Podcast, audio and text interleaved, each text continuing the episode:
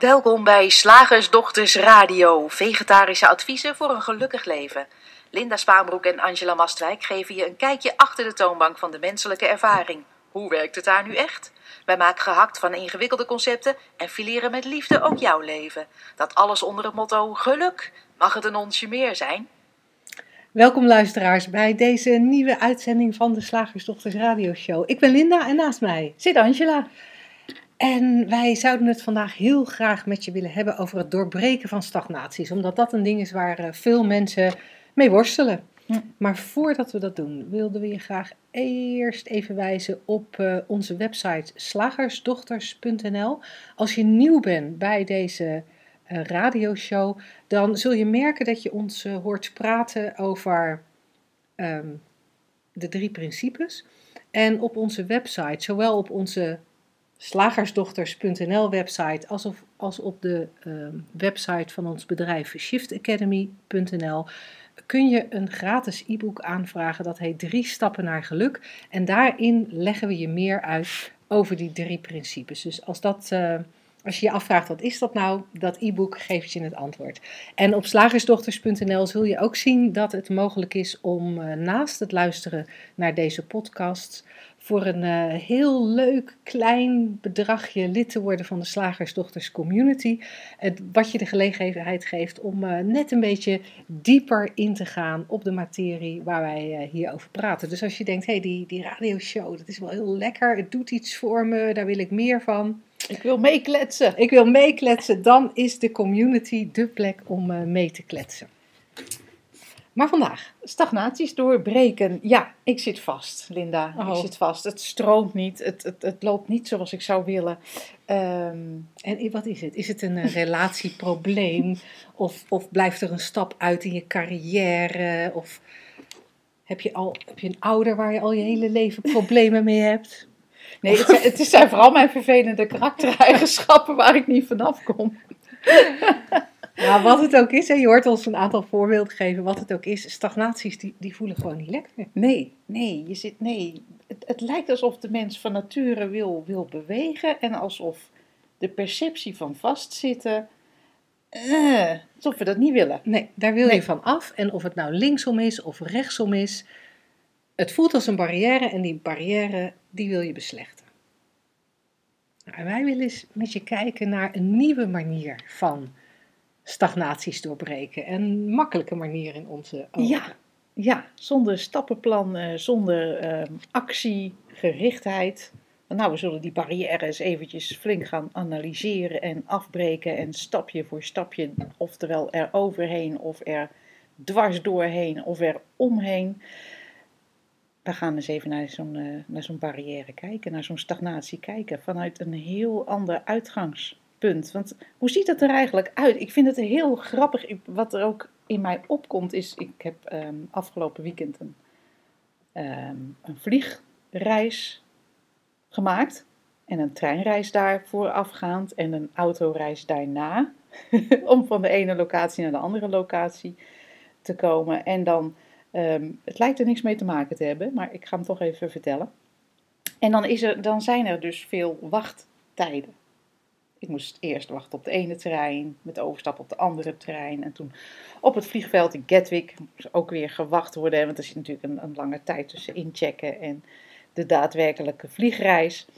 En het was heel grappig, want ik hoorde om mij heen ook heel veel mensen zuchten en, en met kinderen in, de, in de weer om ze zoet te houden. En, en er werd geklaagd over wachten. En ik dacht, wat is het eigenlijk? Wachten.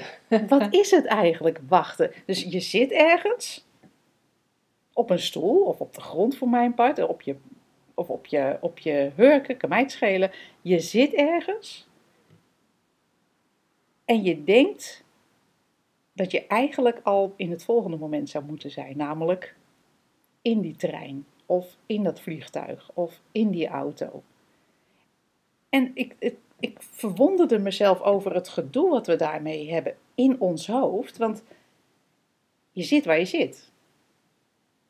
Maar alleen de gedachte daarbij, ik wacht op iets anders dan dit zitten, maakte het moeilijk voor ja. sommige mensen.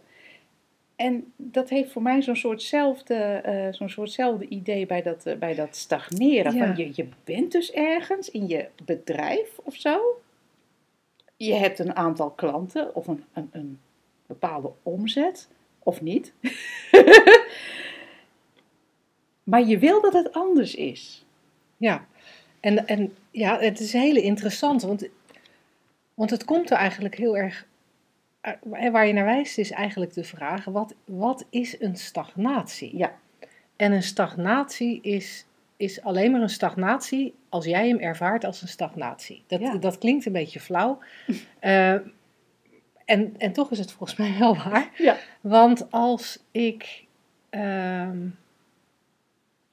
nou, om een voorbeeld te geven. Ehm, veel mensen zien het blijven zitten op de middelbare school als een soort stagnatie. Ja. Dan, dan gaat er iets langzamer dan we willen. En, eh, want we hebben bedacht, over de HAVO doe je vijf jaar, over het VWO doe je zes jaar. Dus op het moment dat je zeven jaar over het VWO doet, is daar een stagnatie. Een van mijn kinderen heeft er heel bewust voor gekozen in 5 VWO om eh, van, pak, vakken, van vakkenpakket te willen wisselen. En dat betekende automatisch dat ze zou moeten blijven zitten. Dat was wij vonden het heel hilarisch grappig dat zij is blijven zitten met alleen maar voldoendes. Want dat kwam omdat ze een vakkenpakket wilde wisselen. En omdat zij dit zelf wilde, het eens was met de procedure, Ja. was er wel dat extra jaar middelbare school, maar was er niet de ervaring van stagnatie. Is dat niet een geniaal voorbeeld? Wat jij zegt, ze was het eens met de procedure. Ja. En, en, dat, en dat, is, dat, is eigenlijk, dat is eigenlijk met alles. Als je het eens bent met het feit dat je op je werk geen promotie krijgt, Ja. dan is er geen sprake van een stagnatie. Ben je het ermee eens dat je ontslagen wordt Ja. of ontslag neemt, dan is er geen eh, stagnatie. Ehm, Ben je het ermee eens dat je op dit moment nog geen omzet hebt in je net opgerichte of al twintig jaar bestaande bedrijf? Als je het Ja. daarmee eens bent, Ja. En ik moest er, ik, ik, ik, het doet me ook denken aan eh, waar wij de laatste eh, week of twee weken eh, regelmatig aan gerefereerd hebben, is dat wij in, in allerlei uitingen, eh, is het feit dat wij toen we begonnen met deze radioshow drie luisteraars hadden die alle drie bij ons in huis woonden. bij één van ons in huis woonden. En wij begonnen deze radioshow en eh, nou ja, eh, twee partners en één kind luisterden. Niet eens al onze kinderen. nee, nee, dat was nog wel het ergste. Nee. En, ehm, en, en wij ze hebben daar de afgelopen tijd eh, regelmatig aan gerefereerd, omdat we inmiddels de 200.000 downloads van de podcast eh, ver voorbij zijn. En, dus dan denk je even terug, of tenminste wij dachten even terug daaraan. En, en wij waren daar oké mee. En we hebben eigenlijk heel lang buitengewoon weinig luisteraars gehad. Ja. We hebben best wel lang dat er vijf mensen, zeven mensen, op de top tien mensen eh, luisterden. En, eh, en er was niks in ons wat daar een mening over had. Nee. En omdat we er geen mening over hadden, was er geen sprake van een stagnatie in de groei van onze radioshow. Daar, daar, wij hadden daar gewoon geen gedachten over. En op enig moment, ehm, even een zijspoortje van het onderwerp, op enig moment zei iemand tegen ons van, goh, zouden jullie er niet eens een podcast van maken en het op iTunes zetten? En toen hebben we dat gedaan en vanaf dat moment zijn er steeds meer luisteraars gekomen. Maar nog steeds hadden wij geen mening over de snelheid waarmee wij meer luisteraars moesten krijgen. Ehm, dus, dus was er geen stagnatie. Zouden wij van tevoren bedacht hebben, ja, maar we moeten wel binnen een half jaar minstens 50 live luisteraars per avond hebben? Dan hadden wij waarschijnlijk geconstateerd, het gaat niet goed met de radioshow. Nee, het wordt niks met de radio. Het wordt nooit wat met de radioshow. Want dat is het grappige, dat doen we dan ook, hè? We, we op de een of andere manier ehm, vertalen we dat ook naar de toekomst. Ja. En, en, en maken we dat groter? naar onze eigen tekortkomingen ook. Wij zijn natuurlijk niet leuk genoeg. Andere mensen vinden dit lang niet zo interessant als dat wij dit vinden. Eh, misschien zijn die drie principes die echt overal ter wereld geschikt voor, behalve voor de Nederlandse luisteraar. Mensen snappen het niet. Ja, je kan dat echt. Ja, dat hadden we allemaal, allemaal kunnen bedenken. Alleen dat deden we niet, die gedachte was er niet. En de, de gedachte aan, aan het zou anders moeten was er niet. En dus was het gevoel van stagnatie er niet. En dat is eigenlijk, dat is eigenlijk met alles. We noemden daar straks als voorbeeld ehm, het feit dat ehm, je een ouder hebt die al een leven lang een probleem voor je vormt. Dat kan je ook als een stagnatie ervaren. Tot het moment dat je ziet dat de stagnatie niks anders is dan jij die wil dat het anders is dan het is. Eén gedachte, hè? Ja. Want die, dat, die, dat die ouder vervelend is, daar kunnen we ook nog een hele radio-uitzending over doen, vervelende ouders. Ja, leuk. Eh, hebben we dat niet alles gedaan trouwens? Weet ik niet. Een uitzending over vervelende ouders kan, eh, want ook daar kun je eh, met de drie principes andere inzichten in krijgen als je, als je ziet hoe die drie principes werken. Maar laten we er even van uitgaan dat die ouder echt vervelend is. Gewoon echt, dat vindt iedereen. Het is onafhankelijk vastgesteld. Deze ouder is vervelend. Is echt heel naar. Dan, dan, dan is dat zo. En waar lopen we dan tegen problemen aan? Waar ervaren we stagnaties? Als we van onszelf vinden dat wij daar anders mee om moeten gaan dan we er nu mee om moeten gaan. Dat we er geen verdriet over mogen hebben. Dat we ons niet gekwetst mogen voelen. Dat we, Dat een ouder zich daar niet zo hoort te gedragen. dat we contact moeten blijven houden met die ouder. Ook al vinden we die ouder vervelend. Of, nou, wat je er ook bedenkt. Maar dat wat je erbij bedenkt, is wat de stagnatie veroorzaakt. Ja, is het niet fenomenaal? Hoe wij zo diep met ons conceptuele brein in dit soort dingen kunnen duiken zonder het zelf door te hebben. Hè? Jij en ik hebben dit vast ook wel eens gebruikt. Van nou ja, het stagneert een beetje. Of, oh ja, nou ik- ja, ik heb daar een heel bedrijf omheen gebouwd. oh ja, kijk. En of ik, hiervoor. ik ja. zit hier al zo lang te wachten. En dan niet, misschien niet eens op de bus, maar op een verandering in, in je kind of in je relatie of, of waar dan ook in. Terwijl het waar we het over hebben, is niks. Het, het bestaat niet buiten ons conceptuele brein. En natuurlijk, hè, wij kunnen echt, geef ons de gelegenheid en wij kunnen uren praten over wat de mogelijke gevolgen zouden kunnen zijn van het feit dat je bedrijf nu geen omzet maakt. Echt, geef Linda een eh Ja, op één vinger. Ja. en er komt waarschijnlijk een prachtig verhaal over wat het betekent en hoe je dat kan veranderen. Want dat, dat, Ja. dat, dat beheers jij gewoon. Dat heb ik jaren, daar heb ik jarenlang over gepraat. Ja, nee, absoluut. Ja. En geef mij een eh, één vinger over een kind wat niet eet. En het label anorexia heeft. En ik, ik, ik, daar kan ik ook een heel verhaal omheen bouwen. Dat, die ervaring eh, heb ik dan weer gehad. Maar uiteindelijk is er buiten wat je denkt. Gewoon wat er, wat er is. En, en zelfs dat, hè. Zelfs dat.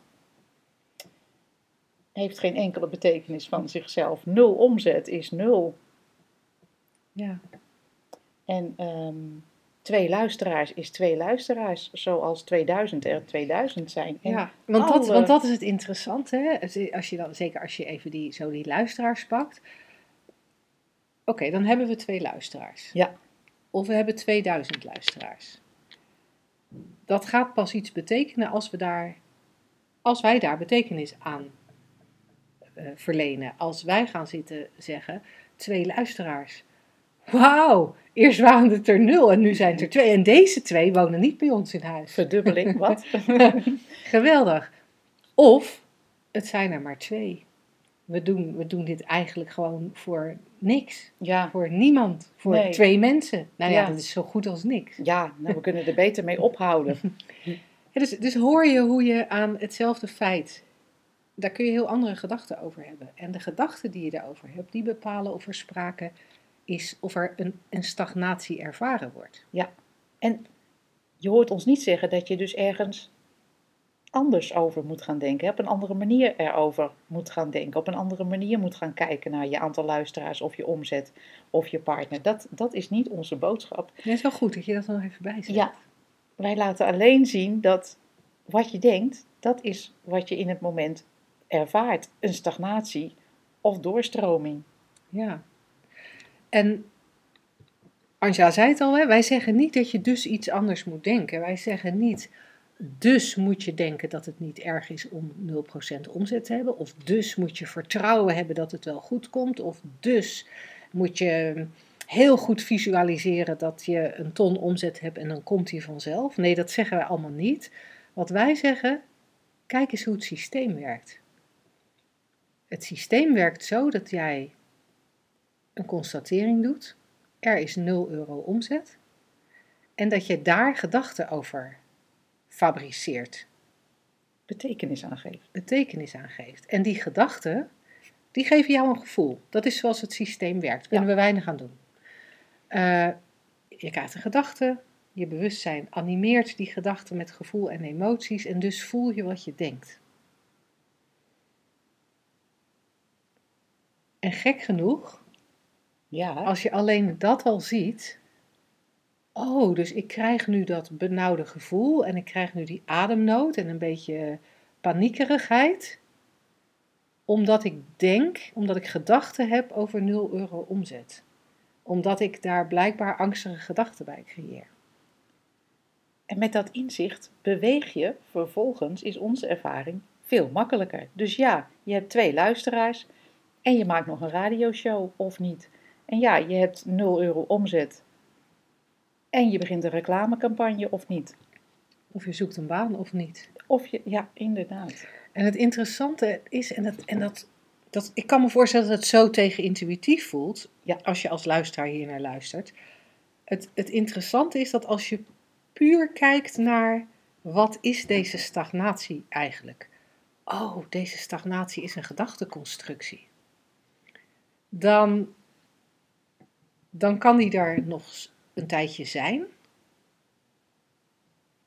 En tegelijkertijd, als je vaak genoeg echt kan zien, niet als een trucje, maar echt kan zien.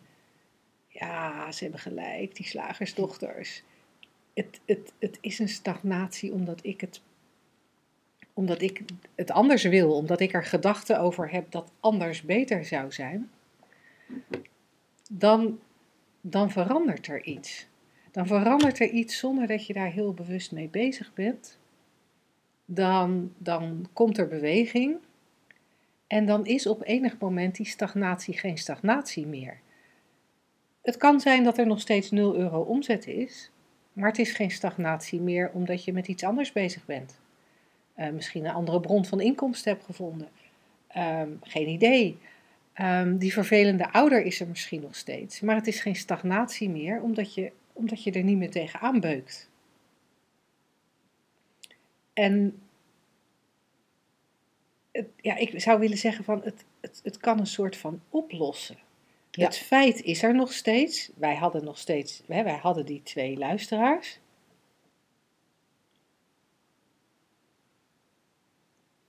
Maar, maar er was geen sprake van een stagnatie.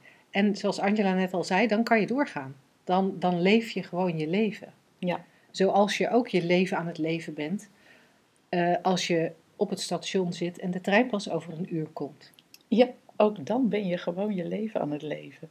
En, en het is niet, het is zo'n groot misverstand om te denken van dat, je pas, dat het pas goed gaat, dat het pas leven is als er die trein arriveert waarvan jij wil dat die arriveert. Of als, als je in het vliegtuig kan stappen en dus weer in het volgende moment bent. Of dat je wel duizend luisteraars hebt of, of een miljoen omzet.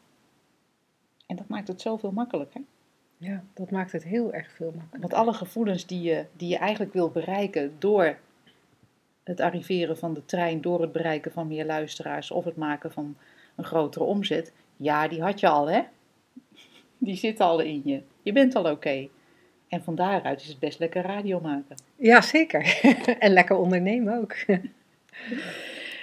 nou, dan gaan we denk ik naar uh, de wetenschap van deze week.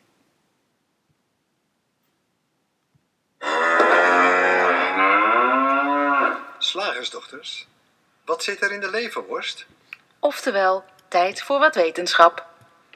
Ja, deze week las ik een blog van een van onze favoriete Three Principles, psychiater en psycholoog uit Amerika. Ze zijn getrouwd met elkaar. Ze heten allebei dus Pettit. En die hebben samen een website. Zij, uh, zij zijn erg actief in het uh, praten met mensen uh, met psychische en psychiatrische problemen.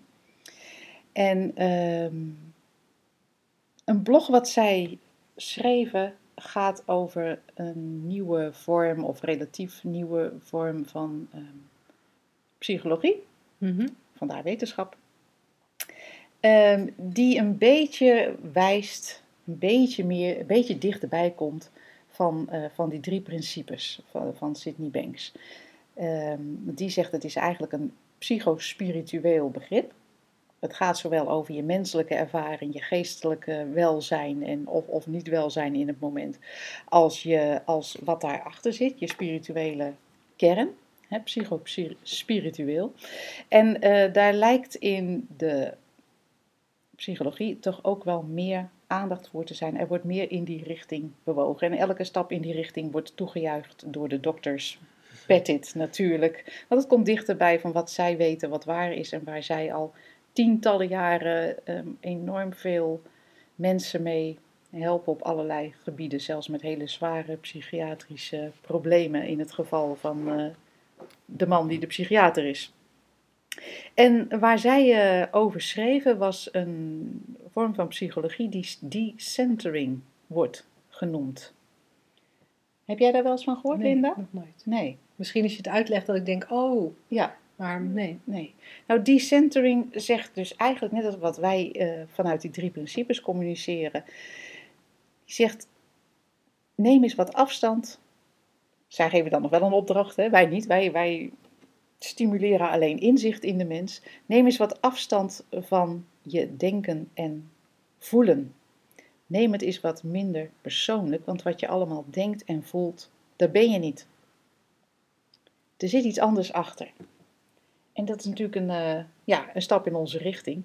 En uh, onderdeel van deze blog was een uh, verwijzing naar een TED-talk die ik heb gekeken van een enorm grappige um, man met een Indiaanse achtergrond. En die zegt daarin dat, dat dat gaat over geluk. Zullen we die trouwens voor onze communityleden de link naar die, naar die video ook op onze zetten we ook even op de community. Ja, bij, dat is uh, bij de video van de radioshow. Ja, dat is, dat is heel mooi. En uh, dat, die TED-talk ging niet alleen over geluk, maar ook over veerkracht. Hoe je als mens terug kan komen nadat er vreselijke dingen in je leven zijn gebeurd. En dat, dat is dus een TED-talk door Amit Sood. Hij is zowel wetenschapper als medische dokter en uh, hij geeft les aan de Mayo, bij de Mayo Clinic, wat een soort uh, holistische kliniek is, hè, waar ook een van de Three Principles mensen werkt voor, om die verslaaf, verslaafde mensen helpt. En het is een hele leuke TED-talk. Hij geeft daarin aan hoe je als mens, met hele leuke voorbeelden, continu de neiging hebt om af te dwalen met je gedachten hij, hij noemt het eh, een heel praktisch voorbeeld van dat je de, de, de afwas staat te doen, maar ondertussen ben je bezig met de dag die afgelopen is of de dag die nog moet komen. Je bent bezig met het slechte cijfer van je kind of je bent bezig met de opmerking van je baas of van je klant die dag die niet zo lekker bij je viel of met een probleem wat nog is blijven liggen. Uh, dus afdwalen met de gedachten is een, uh, is een menselijke neiging geworden. We zijn heel weinig gefocust, zegt hij. En hij zegt, de mens heeft tegenwoordig ook de neiging om zich te concentreren op dreiging en imperfectie. Oké.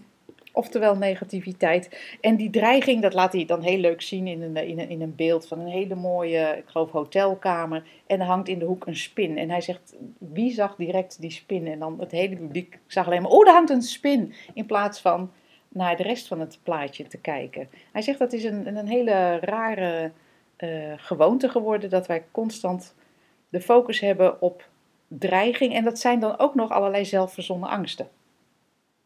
De dreiging van uh, dat je failliet gaat, de dreiging dat, je, dat het met je kind misgaat. Nou ja, je, kan zelf waarschijnlijk wel eh, naar binnen kijkend zien waar jij allemaal bang voor bent. Hij zegt, het zijn allemaal zelfverzonnen angsten.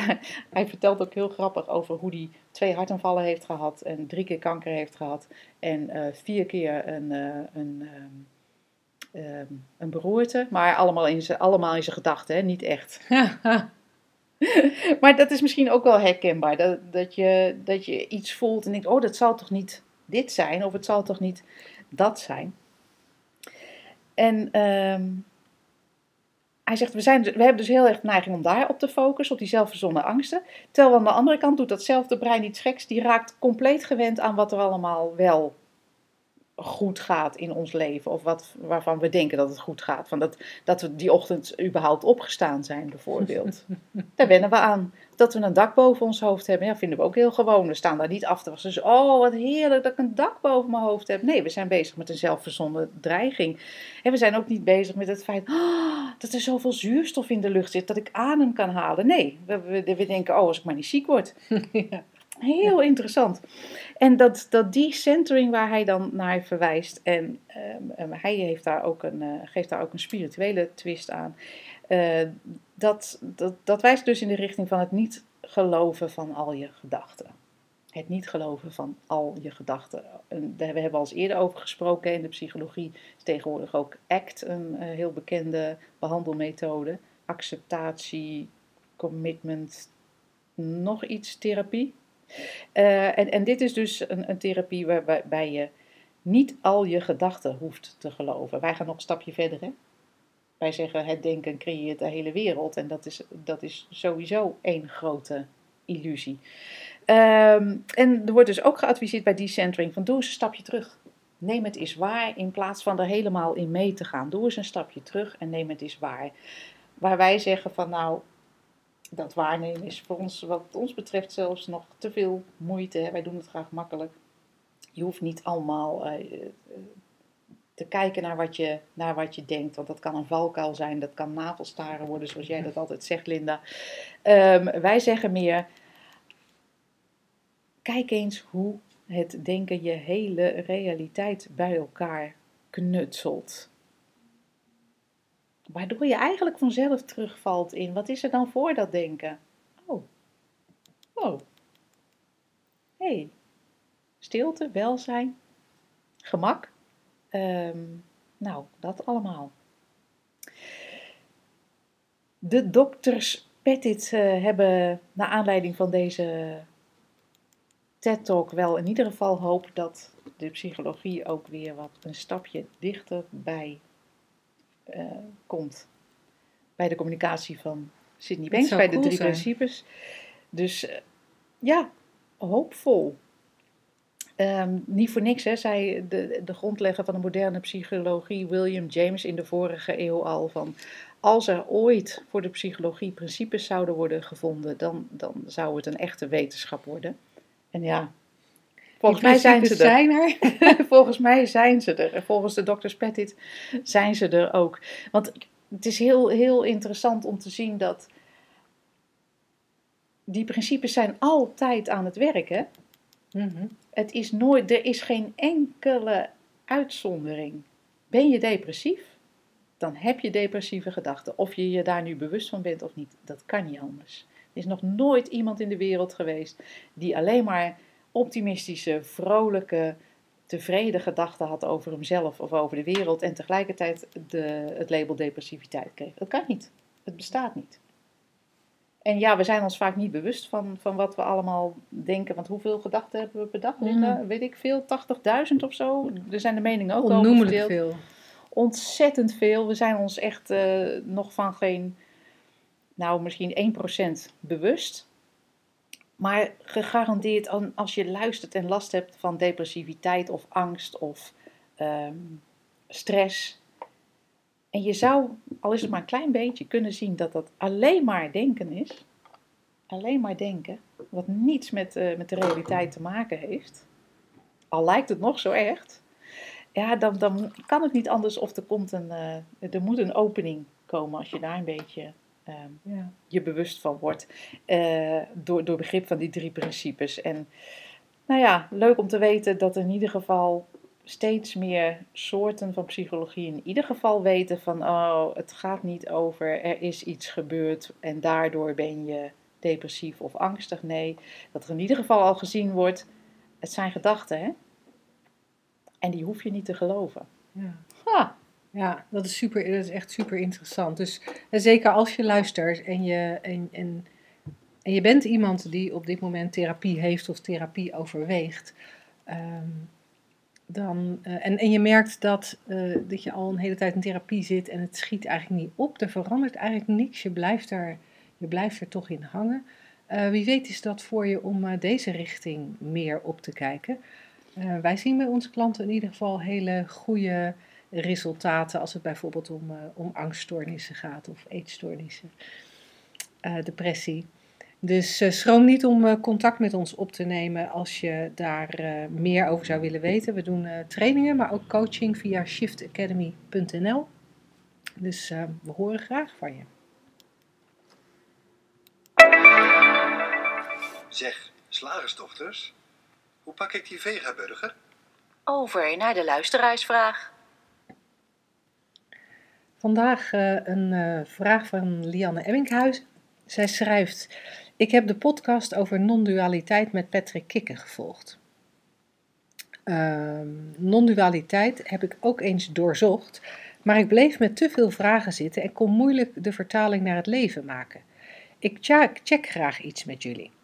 Non-dualisten hoor ik vaak zeggen dat wij als mens geen vrije wil hebben of keuzes maak je niet echt zelf. Begrijp ik het goed dat de drie prin- principles juist heel duidelijk zijn?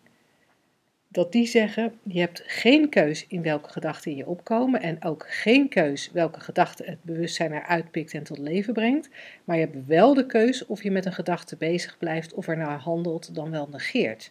Zien jullie dit ook zo of zien jullie andere dingen? oeh, dat is een hele mooie vraag. Ja, hè? Ja, vind ik echt heel cool. Ja. Want ik denk dat, eh, dat Lianne inderdaad dit onderscheid heel goed ziet. Ja, vrije wil, dat blijft een onderwerp natuurlijk waar we, waar we nooit echt uit kunnen komen. Dus Nee. heel grappig. Nee, als je, als je luistert naar Sid Banks, hè, de grondlegger, of de grondlegger, degene die die drie principes eh, verwoord heeft, eh, dan hoor je hem op sommige van zijn eh, mp3's en cd's. Hij is inmiddels overleden, dus we moeten het doen met zijn eh, mp3's en cd's of dvd's. Eh, hoor je hem soms zeggen, je hebt vrije wil. En op andere momenten hoor je hem zeggen dat we die niet hebben. Ja. En ik moet zeggen dat ik, ehm, ik op dit moment in, ehm, in, in mijn eigen eh, de mate van inzicht die ik op dit moment heb, dat ik heel erg meega met Lianne. Ehm, ja, we hebben keuze in. eh, eh, we hebben keuze in met welke gedachten je aan de haal gaat of niet.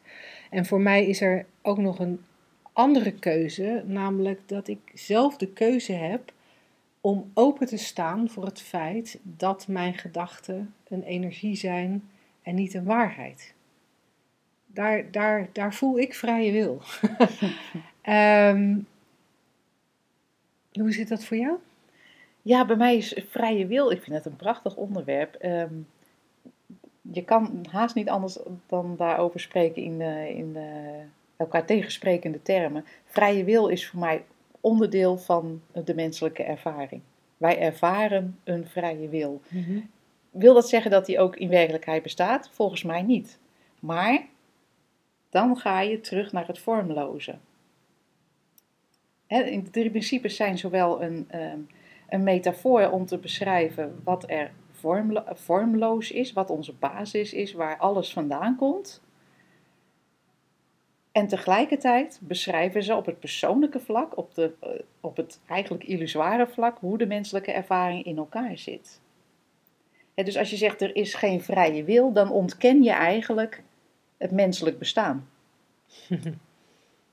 En ja, dat menselijk bestaan is een illusie, maar we ervaren hem wel als echt. En zo zie ik het met de vrije wil ook. Hij is in essentie een illusie, maar dan wel op de manier dat deze hele wereld een illusie is. Zoals Lianne een illusie is en Linda en Angela. Maar dat ervaren wij niet, want wij zitten in de vorm.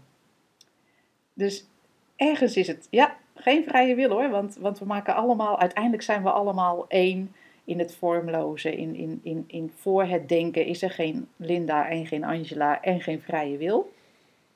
Dus als we het hebben over waarheid, dan gaan we de non-dualiteit in, waar alles één is en liefde is en, eh, en geen vrije wil. Hebben we het over, over de menselijke ervaring, over, over de vorm, de wereld van de vorm. Ja, dan hebben we het over mens zijn met die vrije wil. Dus je kan Ja. er op twee manieren, voor Ja. mij is het eh, op twee manieren te, te benaderen. En wat jij zegt, Linda, wat, hoe Sidney Banks erover praat, inderdaad, dat je de vrije wil hebt, zoals Lianne ook beschrijft, om, om wel of niet je gedachten te geloven en erin op te handelen of niet. En dat, en dat kan zodra je ziet hoe het werkt. Hè? Als je geen idee hebt dat jouw gedachten maar gewoon energie zijn die door je heen gaat, ja, dan heb je natuurlijk geen keuze van handel ik hierop of niet. Dan voelt het als ik moet die man voor zijn gezicht slaan. Ja. Dan zit er geen ruimte tussen de gedachte ik sla hem voor zijn muil en, en, het, en, en de handeling. Maar ga je, al is het maar een heel klein beetje doorhebben dat al die gedachten van zichzelf niet waar zijn, dat je er niets mee hoeft.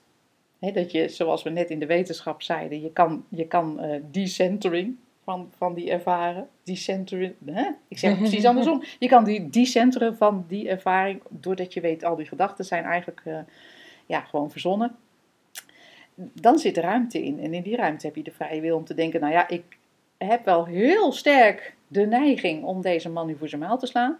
Misschien eh, is het handig als ik het niet doe. Ja. Want ook dit, deze aandrang is maar een gedachte. En terwijl ik dat eh, eh, zeg, denk ik, en ook de aandrang om eh, jezelf elke avond een stuk in de kraag te zuipen, of de aandrang om te roken, of jezelf te snijden, of weet ik veel. Ehm, snap je hoe het systeem werkt? Dan heb je binnen die menselijke ervaring, wat mij betreft, een vrije wil om dus die, Ja. ja. die ruimte Ja. te hebben om het niet te doen. Ja, ja en, daar, en, daar, en dat raakt voor mij dan ook aan wat Lianne zei over dat ze met non-dualiteit wat, ehm, dat ze wat moeite mee had om de vertaling naar het leven te maken. Ehm, misschien heeft dat dan wel te maken dat non-dualiteit vooral verwijst naar alles van voor de vorm en het leven vindt plaats in de vorm. En als je, als je het maakt allemaal niet uit praktisch wil maken, of, of nee, hoe zeg ik dat? Er is totaal geen vrije wil praktisch wil maken. Dat is in deze vorm, denk ik, niet te doen. Want dan, want, want dan is alleen al het kiezen wat je wil eten niet te doen. Want ja, ik heb toch geen vrije wil. Dus Nee. waarom deze keuze heeft geen zin. Nee.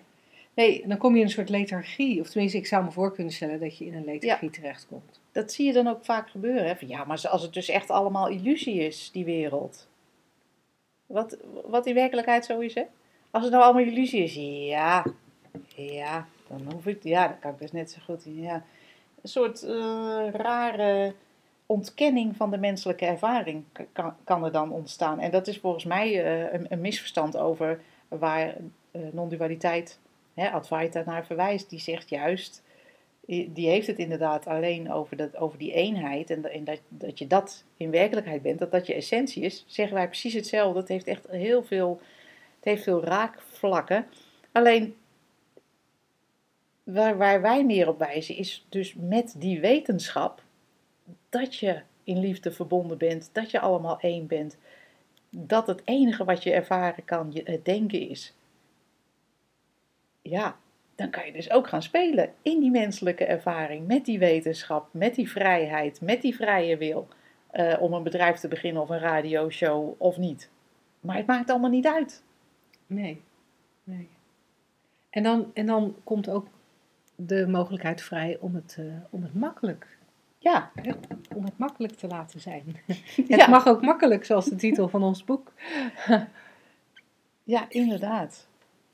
Nou, Lianne, ik hoop dat we daarmee jouw vraag eh, beantwoord hebben. En eh, dan mag jij op de knop drukken voor het volgende onderwerp. Woensdag, gehaktdag. Zeg slagersdochters, welk concept gaat er vandaag door de molen? Nou, voor vandaag hadden wij bedacht om eens door de gehaktmolen te halen het concept je kinderen gaan voor alles. Ja, vind ik een hele leuke. Je weet, ik zit natuurlijk regelmatig op Facebook, omdat ik daar onze, onze artikelen plaats. Omdat jij onze marketing manager bent, onze social media manager. Social meer, media ja. manager. En ehm, oh, daar komen toch zoveel leuke van die, van die plaatjes voorbij, van die wandtegeltjes voorbij, van heel veel moeders die dan. ehm, ja, ik, ik vind dat altijd heel, heel leuk om te zien. Heel veel ehm, ideeën hebben over wat het betekent als je een kind hebt Ja, over hoe dat ja, het belangrijkste in je leven zou moeten zijn. En als zo'n kind het belangrijkste in je leven is, dat je dan ook een goede vader of moeder bent. Heel veel concepten om ouderschap heen hè, en om, eh, om, om kinderen. En het feit dat, eh, dat dit concept, mijn kind gaat voor alles, ik vind hem een beetje jammer. Ja, hij doet mij altijd eh, denken aan, eh, en daar hebben we het volgens mij in de radioshow ook wel eens vaak over gehad. Ik, het doet me altijd denken aan, eh, aan in, in een vliegtuig, als je daar de veiligheidsvoorschriften krijgt aan het begin van de vlucht of voor het aanvang, aanvang van de vlucht. Dan wordt er altijd gezegd, als de druk in de cabine wegvalt, dan komen er zuurstofmaskers naar beneden. En dan staat er zo'n vriendelijke stewardess te wijzen. Of tegenwoordig op sommige vliegtuigen krijg je een filmpje waarin een vriendelijke stewardess staat te wijzen. Naar waar die mondkapjes eh, eh, uit het eh, boven je hoofd naar beneden komen vallen. En dan wordt er ook altijd bij gezet: eh, zorg eerst dat je het zuurstofmasker op jezelf, op je eigen neus en mond zet. En help daarna pas de kinderen die naast je zitten. Met de gedachte: als je zelf niet genoeg zuurstof hebt, dan raak je in zeer korte tijd eh, buiten bewustzijn. En dan kan je je kinderen helemaal niet meer helpen. Dus eerst even dat regelen voor je kinderen en daarna pas voor jezelf. Dan is de kans groot dat het te laat is en je niks meer voor jezelf kunt doen. En dus ook niks meer voor je kinderen. En nou, dat, dat is er voor mij al één. Dat ik denk van, ja, als je kinderen voor alles moeten gaan, dan blijft er dus niks voor jou over. Maar je bent ook niet behulpzaam voor je kinderen. En je daar zit natuurlijk een hele, daar zit een hele grote, eh, heel groot misverstand in. Dat als je jezelf maar wegcijfert als moeder of als vader of pleegouder, kan mij het schelen. Dat je, als je jezelf dus maar helemaal wegcijfert, dus niet die zuur, dat zuurstofmasker opzet, dat je dan dat dat beter is voor je kind. Maar Ja. dit is natuurlijk totale onzin. Nee, en het interessante, het- waar het mij ineens aan doet denken, is dat ik. ehm, ik zat van de week even te kijken naar een tv-programma dat heet Levenslang met dwang. Ja. Ik heb er niet heel lang naar kunnen kijken, omdat wat ik daar zag zo, zo 180 graden ingaat tegen de manier waarop wij eh, naar het leven en dit type problematiek kijken. Ehm, dat ik het leuker vond om iets anders op tv te zien. En, en wat me opviel daar was dat de therapeut in kwestie eh, heel erg meeging in het probleem van, van degene die dan de dwangneurose had. En voor mij voelde dat een beetje alsof zij, alsof de therapeut een beetje verdween een beetje de gedachte overnam van, van de patiënt, hè, laten we het zo even noemen. En, en alles draaide daar om de patiënt. Dus de patiënt ging voor alles, maar de gedachten van de patiënt gingen ook voor alles. De dwangneurose van de gedag van de patiënt ging voor alles. Dus er werd ook een hele wereld omheen gecreëerd. Zo, hè, als jij dan even. Ik zit nu beweging te maken om Angela heen. Als, als Angela degene met de dwangneurose neurose, neurose zou zijn, wordt er een hele wereld omheen gecreëerd met voorzorgsmaatregelen. En om er maar voor te zorgen dat, Faciliteren noem ik dat. ja, faciliteren dat, dat jij oké bent met jouw dwangneurose, dat jij het een beetje uithoudt met je dwangneurose. Maar wat we tegelijkertijd dan ook doen, is heel, die, die dwangneurose heel echt maken. Ja. eh, als het ware zeggen: Ja, maar natuurlijk, Angela, is het logisch dat jij maar 50 seconden een telefoongesprek kan voeren. Dat was het voorbeeld hier. Dat jij maar 50 seconden een telefoongesprek kan voeren. Maar knap dat je het gedaan hebt, die 50 seconden. Dus daarmee maken we, daarmee maken we het heel erg echt. En. Ja, en ik weet niet waarom het me. Waarom, help Ja. me even waarom me Ja, dit doet denken is- aan ouders. Daar is nog nooit iemand bij gebaat. Is nog nooit iemand bij gebaat. Weet je, je kan het. Als je, je je kind bijvoorbeeld ehm, s s'nachts krijzend wakker wordt omdat er een, een monster onder zijn bed zit. Ja, Is het dan logisch om met dat kind mee te gaan? Ja, nee, maar, maar lieverd, dat monster doet niks hoor. Nee, het is echt het is een lief monster wat onder je bed zit. Nee, kom maar, kom maar kijken, kom maar kijken, hij doet niks. Of laat je zien dat het een schaduw is. En daar zit een soort, soort verschil in. Van, op de, ene, de eerste manier bevestig je het kind eigenlijk dat er echt iets is waar het mee om moet gaan. ja, Zoals wij zeggen dat je om moet gaan met angst, of om moet gaan met depressie, of om moet gaan met stress. En bij de andere manier ben je, heb je meer afstand als ouder. En laat je zien wat de wortel is van de schaduw. ja. Oh ja, en de wortel van, van iedere angst en dwangneurose is een gedachte. ja. En ik moet ook denken aan de, toen de tijd dat mijn eh, zoon een ehm, eetstoornis ontwikkelde. Toen ging ik eens online kijken naar ouders van kinderen met eetstoornissen. Ik dacht, eens kijken wat er allemaal zo eh, te vinden is. En dat was, nou Linda, dat was een wereld van ellende. Dat was angst en dat was soms boosheid en verdriet. En, en die mensen waren dwangmatig bezig met, dat, met die kinderen fixen en faciliteren ook met, met allerlei vreemde voedselvoorkeuren. En, en, en ik betrapte mezelf daar ook wel eens op, hè, dat ik dacht, oh nee, maar hij eet nu dat ene toetje. En, en oh, dat hebben ze niet in de supermarkt. Nee, maar dan, dan ga ik straks met de fiets nog even naar de andere kant van het dorp om dat ene, want dan eet hij dat misschien. Nou, sorry, maar dan ben ik dus dwangmatig bezig met Ja. eten. Eh, en, en dat helpt dus niemand. Dus ik ging online, ik, ik las wat die ouders allemaal schreven en ik dacht, doe dat zuurstofkapje eens op mensen. En een tijdje geleden, ehm, ik beheer ook ons Twitter-account, ja. Mhm. Eh, toen maakte ik reclame voor de online training voor eetstoornissen die wij, eh, die wij ook aanbieden. En ik schreef van nou, ehm, inzichten, moeiteloos oplossen, ehm, ontspannen manier. En daar kreeg ik een reactie op van iemand dat het niet kon, dat, je een, dat het met elkaar in tegenspraak was, een ontspannen training op het gebied van een kind met anorexia. Dat kon niet. Dat, dat, dat, dat kon niet. En toen dacht ik, nou maar even teruggaan naar dat zuurstofkapje. Hoe zou het zijn als je als ouder daar helemaal ontspannen in bent?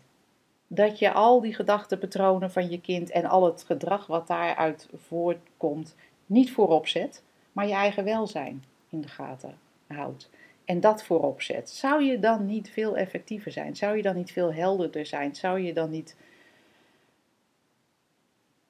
oplossingen zien die voor de hand liggen of dingen zeggen die handiger zijn in dat moment? Ja, en, je Maar kind, ja, en, ja. en waarschijnlijk zit je je kind dan ook minder dwars. Want ik kan Ja. me voorstellen dat je, als je heel erg bovenop je kind zit, Ja, eh, dat kind, dat heeft die eetstoornis al, omdat het Ja. worstelt met allerlei gedachten. en dan ga jij daar ook nog eens bij zitten droeftoeteren. Ja. en, en, en dwangmatig zitten opletten of het kind wil, eh, wel eet. Ja, het is niet nodig. Het is allemaal wat we, het is allemaal wat we wel geleerd hebben. Hè? Mijn kind heeft anorexia. Nou, er ik kan, is geen andere reactie op mogelijk dan wat heftig, wat erg, wat vreselijk. Ja. Terwijl dat hoeft dus, dat hoeft dus echt niet. Er is Nee. niets aan verbonden. En in helder, helderheid zal je redden. Ja. ja, en als we teruggaan naar het concept, hè, je kind gaat voor alles, dan heb ik door mijn, door mijn ged- gedachtenspoor heb ik het wat eh, in, de, in, in, in de meer eh, problematische hoek. Ja. Eh, eh, het gesprek een beetje in de meer problematische hoek eh, geleid. ehm, door te beginnen over dwangneuroses en vervolgens anorexia ter sprake brengen. Ook als je het uit het, het problematische haalt. Als je meer kijkt naar mensen die ehm, wel zichzelf wegcijferen omdat hun kind voor alles gaat. Ehm, dan geldt daar wat mij betreft wel hetzelfde voor. Dat je ook daar gewoon je zuurstofmasker eerst op jezelf moet zetten. En dat als je een beetje gestrest of een beetje, misschien toch ook een beetje dwangmatig of een beetje geïrriteerd je kind voor alles laat gaan. Ja, want dat wordt gevoeld hoor. Slachtofferschap. Ja, want dat zit er wel een beetje onder. Hè? Mijn kind gaat voor alles. Dus Kijk ik, mij, nou. Ik leid, maar dat geeft niet, want hij of zij heeft het goed. Ja, sorry, maar voor mij vreemd dat. Ja, en zoals jij dat ook heel mooi zegt, dat wordt gevoeld. En als je dat weg zou kunnen nemen, als je als ouder heerlijk in balans zou kunnen zijn. Ehm, wetende dat je soms iets doet waardoor je kind wat minder aandacht krijgt. Of nou, wat het dan ook is wat je bedacht hebt dat niet goed zou zijn.